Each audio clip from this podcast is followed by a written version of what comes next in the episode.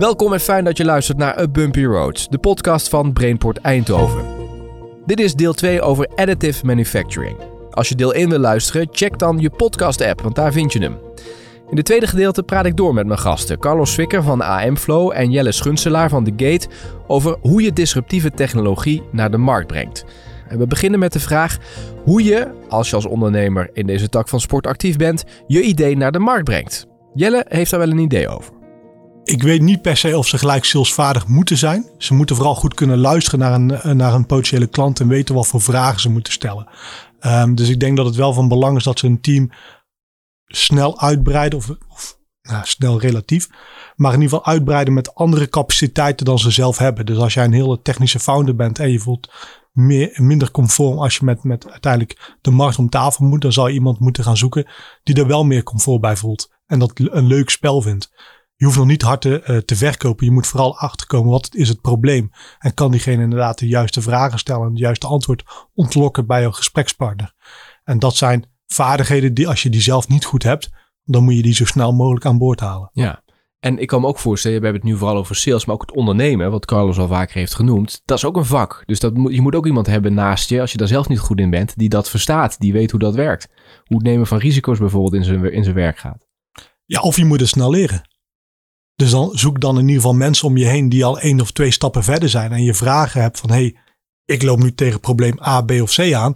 Die andere ondernemer heeft dat, dat hobbeltje al een keer genomen en kan je daar heel goed van feedback in voorzien. Ja, wat heb jij Carlos tot nu toe in je carrière gemerkt wat belangrijk is in de samenstelling van een team? Nou, het belangrijkste is denk ik diversiteit. Um, Op welk gebied? Op, verschillende gebieden uh, waar we het nu over hebben. Uh, de balans tussen technologie en uh, commercieel. leeftijd, ervaring en onervaring. een balans in verdere andere achtergronden. van van in nationaliteiten, et cetera. Dus um, je zal wat dat betreft, hoe diverser je bent, des te beter je voorbereid bent voor de enorme variabiliteit, enorme variatie en vragen en dingen die op je afkomen. Als je daar vanuit meerdere invalshoeken in kan als iedereen hetzelfde is, kom je uit één invalshoek. Mhm. Als je vanuit meerdere invalshoeken tegen problemen kan kijken, dat is een verrijking voor het team. Mhm. En als iedereen daarin kan bijdragen en meewerken, dan, is dat, dan uh, kan je versnellen wat dat betreft. Um, en het is ook toetsend dat je dus ook uh, elkaar scherp houdt wat dat betreft door die verschillende visies. Dus dat is wel een belangrijk onderdeel van, uh, van dat geheel. Als je te veel de, de techniek opgaat, te veel tech pushes, te veel overtuiging ook hebt van dat de technologie iets levert. Iedereen heeft je, heeft je gezegd dit is fantastisch en fantastisch, maar de markt reageert niet. Uiteindelijk uh, een start-up is, een, is, is, letterlijk een bedrijf opstarten. En een bedrijf heeft een ja. doel, namelijk als bedrijf te overleven. Precies. Welke rollen horen daarbij? Ik kan me namelijk best wel voorstellen als je begint, enthousiast, uh, dat je op een gegeven moment in een fase komt dat je vooruit wil, je wil groeien en dan heb je bepaalde mensen om je heen nodig. Welke ja. rollen zou jij kunnen, hè, als je het nu zou moeten uittekenen, uh, adviseren? Nou, in eerste uh, zou ik zeker uh, de, nogmaals balans tussen technologie en commercie. Dus die twee takken, dat is echt verderweg het belangrijkste.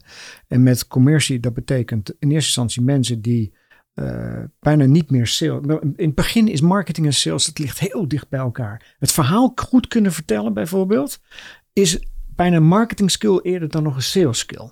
Het is eigenlijk uh, het, het, het kunnen communiceren met de buitenwereld en, en het luisteren. Het luistervaardigheid waar we het eerder over hebben. Het is bijna marketing uh, capaciteit eerder dan sales. Maar je doet dat vanuit het perspectief dat je uiteindelijk wel goed gefundeerd een product in de markt kan zetten. Dat dus aankomt. Dat dus waar behoefte is en daar dus tractie kan gaan genereren. Dus dat is al het eerste. Dus, uh, een, een, empathisch uh, gevoelspersoon die begrijpt waar die technologie en die technologie ook deels kan begrijpen. Niet door en door.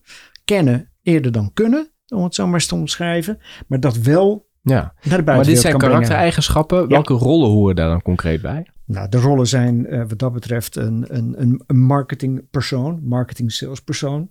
Uh, er wordt heel vaak uh, growth hacking wordt dan ook vaak genoemd, hè, vanuit een bepaalde soort technologie, als je het, een bepaald soort start-up. Uh, dus een sales, mark, sales marketing persoon is aan de ene kant. Aan de andere kant doorgaans is de technologie redelijk goed belegd uh, wat dat betreft. En daarna gaat het uh, als CEO heb je dan gewoon meerdere petten op. Je bent verantwoordelijk voor de administratie, je bent verantwoordelijk voor HR, je bent voor, ook verantwoordelijk voor de sales page en de technologie. Dat zijn al die rollen waar jij mhm. het over hebt. En dat zit maar in een paar personen. In het begin heb je al die pet op tegelijkertijd. Dat is ook de uitdaging voor startups. Dat de CEO die, uh, van zo'n startup heeft misschien wel twaalf petjes op. En op sommige geen enkel ervaring. En toch moet iemand die dragen, die, dat petje. Nou, dat is dus. En ik denk dat, uh, dat uh, langzaamaan, naarmate je de tent laat groeien en uitbouwen, hè, dat die petjes dan overgedragen kan worden aan anderen. Maar het is in, in principe een, een, meerderheid van eerder taken die het, waar, dan de rollen. Ik denk dat je pas rollen gaat krijgen als je wat verder in de ontwikkeling ja, bent. Maar je moet dat wel compleet hebben aan het begin. Dus je hoeft nog niet heel veel mensen te hebben als je maar die verschillende taken over de juiste mensen hebt verdeeld. En bewust zijn van die verschillende taken. Ja. Een ander aspect, dat zit denk ik iets verder in de fase, alhoewel dat zou ook in het begin kunnen plaatsvinden. Soms moet je ook afscheid nemen van mensen. Omdat ze bijvoorbeeld verdere groei in de weg staan. Heb jij dat meegemaakt? Uh, niet bij ons, bij Airflow, gelukkig. Dus iedereen uh, is uh, wat dat betreft redelijk aan boord gebleven. Maar dat, nee, ik heb in het verleden, zoals ik zei, ik zat ook in een corporate venture unit van Philips, het creëren van startups. En daar hebben we inderdaad bij een aantal startups, hebben wij zogezegd de stekker eruit getrokken. Omdat, en, en dit is de terminologie die wij toen hanteerden, omdat de persoon, in dit geval meestal de CEO, uh, te dominant en wat wij noemden niet investeerbaar was. Uh, er was geen leercurve, er was geen verandering, er was geen, het, luisteren was afgenomen en iedereen, zo'n persoon is dan bezig met zijn eigen plan. Um, en dat was uh, contraproductief. Dus je neemt, je moet inderdaad afscheid durven nemen, kunnen nemen van mensen die natuurlijk niet meer meegroeien. Uh, natuurlijk probeer je ook mensen juist aan te nemen voor die groeicurve. En in het begin zijn sommige mensen gaan mee in die curve. En dan, uh, nou, bij aanflow zijn we nog niet zo ver. Maar misschien komen we dat tegen. Misschien ben ik de eerste die op een gegeven moment aan het eind van mijn groeicurve komt. Dan is het, uh, misschien moeten we maar iemand anders daar neerzetten. En ik denk dat dat een terechte vraag is. En daar ook heel open en transparant over gesproken moet worden. En ik denk ook dat je dat vooraf met het team, ook bij aannames, ook moet kunnen bespreken dat, dat dat de gang van zaken is. Er gebeuren gewoon heel veel dingen in een, tijdens het groeien van, van een bedrijf. Zijn dit vragen die jullie wel eens uh, hebben gezien? Misschien niet zozeer in, deze hele concrete, in dit hele concrete voorbeeld, maar wel dit soort vraagstukken. Heb je die wel eens bij startups meegemaakt? Die zien wij best vaak. En ook vanuit financiers. Je kan nog een zo'n mooi verhaal uiteindelijk presenteren, onderbouwd met allerlei cijfers. Maar uiteindelijk moeten ze vertrouwen in hebben dat jij als CEO met jouw team dit voor elkaar gaat boksen. Uh, als jij, wij zien heel vaak dat wij iemand zien die zich presenteert als CEO en eigenlijk al binnen een paar gesprekken het gesprek voeren. God, ben je eigenlijk niet meer de CTO en moet je eigenlijk zodra je financiering ophaalt en dat ook gaat pitchen aan financiers, een CEO aantrekken met het geld wat je gaat ophalen. Omdat jij misschien niet helemaal geschikt bent voor taak A, B en C en D, zeg maar. Hè? Waar we het over hadden, over HR, over administratie, over stakeholder management, et cetera. Dus die gesprekken voeren we eigenlijk al vrij snel. Uh, dat kan soms best pijnlijk zijn, omdat je, je moet je eigen beperkingen gaan toegeven. Maar uiteindelijk denk ik dat je groei daardoor in de toekomst wel sneller kan. Ja. Nog een paar andere punten, want uh, we hebben al heel veel interessante zaken besproken, maar de samenwerking met andere bedrijven, uh, zeker in Nederland-Polderland, is samenwerken natuurlijk onontkoombaar. Uh, ook in het Brainport is de gedachte natuurlijk dat er samengewerkt moet worden. Um, dat is voor jullie denk ik niet anders, Carlos. Samenwerken is essentieel. Maar misschien kunnen we dan één laag dieper gaan. Welke voorwaarden stellen jullie aan samenwerking? Of kun je geen voorwaarden daaraan stellen? Nou, laat ik eerst maar uh, een schets maken van wat uh, onze invulling is van samenwerking. Op dit moment uh, zijn wij degene die met de innovatie komen. Wij bedenken de oplossing, komen met een MVP. Maar uiteindelijk de productie is gewoon hier in Eindhoven belegd binnen supply chain. Dus dat zijn onze partners. En die hebben ons ook geholpen bijvoorbeeld uh, door middel van supply chain management. Hè, van, uh, wanneer moeten we nou de rekening betalen? Kunnen we nog even een maandje extra vrijkopen? En dan kunnen we nog even door enzovoort. Nou, dat soort ondersteuning is cruciaal. En dat hebben we niet alleen bij één partij neergelegd, maar we hebben bij verschillende partijen neergelegd. Dus dat is één manier van partnership waarbij de, zeg maar de, de omgeving, in dit geval Brainport en, en, en Eindhoven en omstreken, ons ongelooflijk uh, kan helpen. En dat ook gedaan heeft in het verleden, maar ook daar zoeken we nog steeds naar, om verder te kunnen. Om help ons groeien. En in die relatie is dus die samenwerking. Nou, een andere manier van samenwerking is natuurlijk, wij uh, uh, kijken ook naar de markt. En wij hebben nu langzaamaan een positie weten op te bouwen dat bijvoorbeeld grotere merken, ik noem een Siemens of een HP, uh, ons benadert en met ons in gesprek wil gaan. naar een relatie toe, naar een strategische partnership voor de verdere ontwikkeling van de markt. Um, dat is iets waar je natuurlijk niet a priori aan denkt, dat moet ik hebben. Maar het is een gevolg van al die stappen die je daarvoor hebt gezet, dat je dan een aantrekkelijke positie bent en dat ze naar je toe willen komen. Daarmee is nog niet gezegd dat het ook een hele succesvolle samenwerking zal worden, maar die intentie is er wel natuurlijk. Nou, er, zo zijn er dus verschillende manieren van zeg maar, invulling geven aan wat partnerships en samenwerking betekent. Uh, in de eerste jaren was het echt puur vanuit supply chain, de ondersteuning middelen hebben, middelen verkrijgen, uh, technologie uh, en een product in de, in de markt kunnen zetten. fundamenteel voor ons. En, en daardoor zitten we ook de punt ja. waar we nu zijn. Oké, dit is het perspectief vanuit jullie, vanuit AM Flow. Ik ben heel benieuwd, Jelle, hoe jij het ziet vanuit Brainport en, en The Gate. Hè? Hoe kijken startups daar tegen samenwerking aan en dus ook het, het delen van ideeën? Want dat hoort er natuurlijk ook bij. Heel verschillend. De ene is heel open en de andere is heel terughoudend met het, het delen van de ideeën. Wij promoten juist het delen van de ideeën. Heel cliché, maar als je kan delen, kun je ook vermenigvuldigen. Uh, om die er maar uit te gooien. Maar juist als je gaat samenwerken of de samenwerking op gaat zoeken met bedrijven uit de regio, maar de toeleveranciers, de potentiële afnemers, dan kom je er ook achter. hey, die heeft een stukje technologie die wij goed kunnen pakken. hey, die beste meneer snapt onze markt heel goed en heeft hele goede input voor ons. En zo kom je steeds verder in plaats van dat je gelijk een NDA onder iemands neus doet. duwt. Um, en daarmee maar dat komt natuurlijk wel vaak voor, want je bent toch bang dat de andere partij uh, met je idee ervan doorgaat. Ja, we zien start-ups die daar bang voor zijn. Ik denk dat dat niet nodig is, omdat heel veel bedrijven zijn niet gericht om een nieuwe innovatie zomaar in de markt te zetten. Als jij met een idee komt bij partij A, B of C, die is gericht op zijn core business en heeft niet zomaar het team en de middelen en de capaciteiten om daarnaast ook nog eens een nieuw product in de markt te gaan zetten. Dus die beredenering dat je daar bang voor moet zijn, die, die is niet zo heel relevant, denk ik. Dus het komt ook niet vaak voor. Jullie zien dat niet vaak dat dat gebeurt op die manier. Nee, nee eigenlijk niet. Nee. Carlos, hoe blijf je je concurrentie voor? Eerst bepalen wie je concurrent is. Eerst weten wie ze zijn, waar ze zitten, wat ze doen. Dat is vaak toch. Is dat, dat, dat klinkt nu heel makkelijk. Vaak, vaak als bedrijf weet je wel toch al wie de andere spelers in de markt zijn. Of moet je daar echt wel nog een keer goed onderzoek naar daar doen? Daar moet je goed, ja, goed naar kijken. Ja, ja, in ons geval, wij waren uh,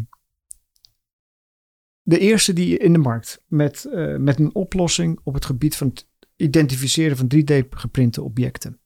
Wij gingen ongelooflijk op zoek naar wie is ons concurrent? Of wie zou dat kunnen zijn? Zijn dat grote bedrijven? Is het ook een start-up? Is dat in Nederland of is het in het buitenland? En dan ga je er gericht naar op zoek. Um, op een gegeven moment uh, was er een project in, uh, in, in Duitsland. En uh, daar werd een zogenaamde polyline, dat was de titel ook van het project, polyline, polyester productielijn. Nou, daar zouden wij naadloos in moeten passen. En dat was een consortium van Duitse bedrijven. En toen werden wij door de klant eigenlijk van dat consortium, die, die droeg ons voor van uh, jongens, uh, dat was BMW en daar zaten, waren we mee bezig op dat moment. En die zeiden van ja, jullie moeten met AMFlow moeten ook bijkomen. En toen werd er dus in het consortium afgesproken, dat was elk deelnemende partij mocht een veto uitspreken over hun trein. En zo waar, er werd een veto uitgesproken. Dus we hadden een concurrent. En zo is het eigenlijk gegaan dat we erachter kwamen dat hé, uh, hey, er is een partij die eigenlijk met ons wil wedijveren in ons eigen uh, speelveld. In ons unieke workflow automation speelveld binnen Additive. Um, dat was voor onze openbaring. Wat wij hebben gedaan, we hebben gelijk contact opgenomen. We zijn met ze gaan praten om te bekijken en te beoordelen. Ja, maar zijn we nou echt concurrenten of doen we maar een beetje zo?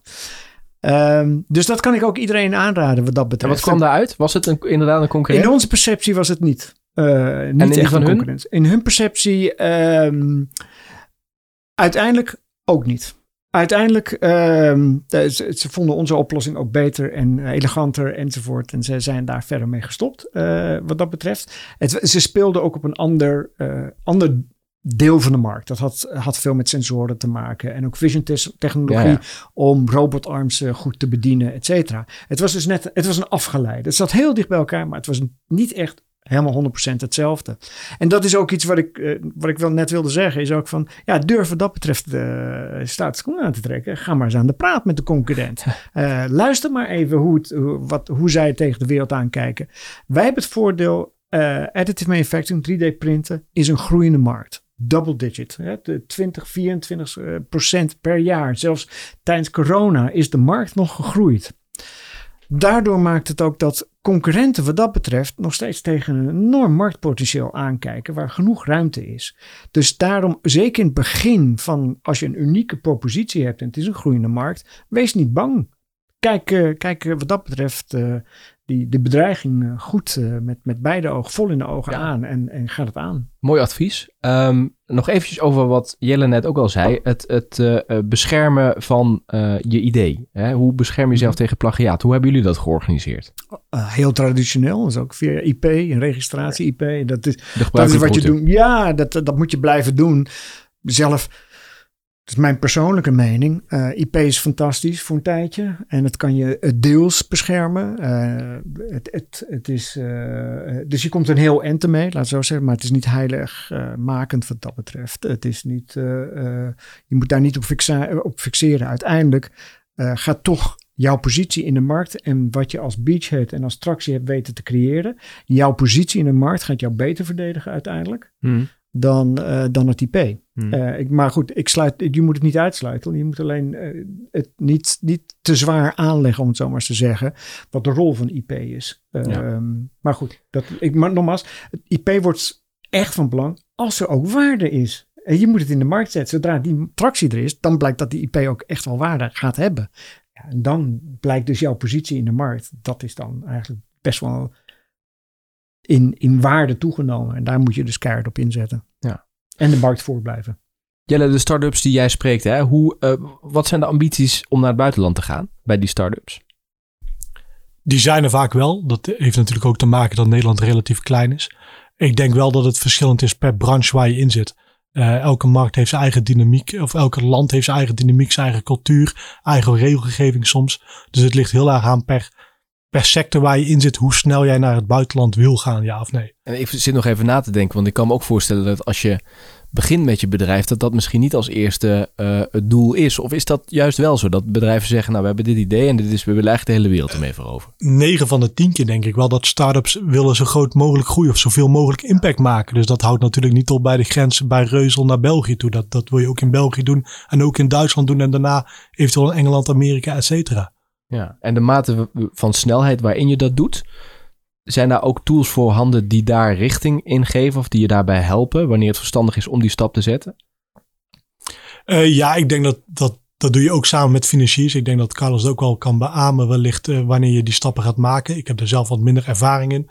Maar ook RVO heeft internationaliseringsprogramma's waarmee ze jou ondersteunen om naar bepaal- bepaalde markten te gaan. Om af te tasten, is daar een bepaalde markt? Waar moet ik aan voldoen om daar eh, tractie te gaan genereren, met klanten in gesprek te gaan? En hoe zit het precies daar? Ja, want in welke landen, Carlos, zijn jullie nu actief? Nou, wij, zijn, wij focussen ons voornamelijk op eh, Europa en de Verenigde Staten. Eh, dus de landen waar we nu zitten eh, is Duitsland. Eh, we hebben ook in Nederland verkocht. Eh, we hebben ook in België verkocht. En in de Verenigde Staten ook verkocht. En daar zoeken we dus ook eh, onze. Daar zitten ook de meeste van onze prospects allemaal. Tot slot van deze podcast. ehm, een advies van jullie beiden voor start-ups die eh, met al deze zaken die we hebben besproken bezig zijn. Begin ik bij jou, eh, Jelle. Wat zou jij willen meegeven? Het mag alles raken wat we besproken hebben. Misschien ook nog wel een onderdeel zijn wat we nog niet hebben aangestipt. Wat zou je willen meegeven? Ga zo snel mogelijk in gesprek met de markt om het probleem goed te snappen, zodat je daarna je product kan ontwikkelen wat het probleem goed oplost. Waarvan acte? Carlos, wat zou jij willen aanvullen? In het verlengde van Jelle zei, outside in denken. Je moet van buiten naar binnen redeneren en niet van binnen naar buiten. En dat is het grootste gevaar voor start-ups. Oké. Ik dank jullie zeer voor dit gesprek. Graag gedaan. Dankjewel. En tot zover A Bumpy Road, de podcast van Brainport Eindhoven over additive manufacturing. Je hebt geluisterd naar deel 2 van de podcast. Als je het eerste gedeelte wil luisteren, check dan vooral je podcast-app, want daar staat het eerste deel. Meer informatie vind je op de website van Brainport Eindhoven. Het linkje vind je in de beschrijving bij deze podcast. En vergeet je niet te abonneren, want dan krijg je vanzelf een seintje in je podcast-app als er weer een nieuwe aflevering voor je klaar staat. Bedankt voor het luisteren en tot de volgende keer.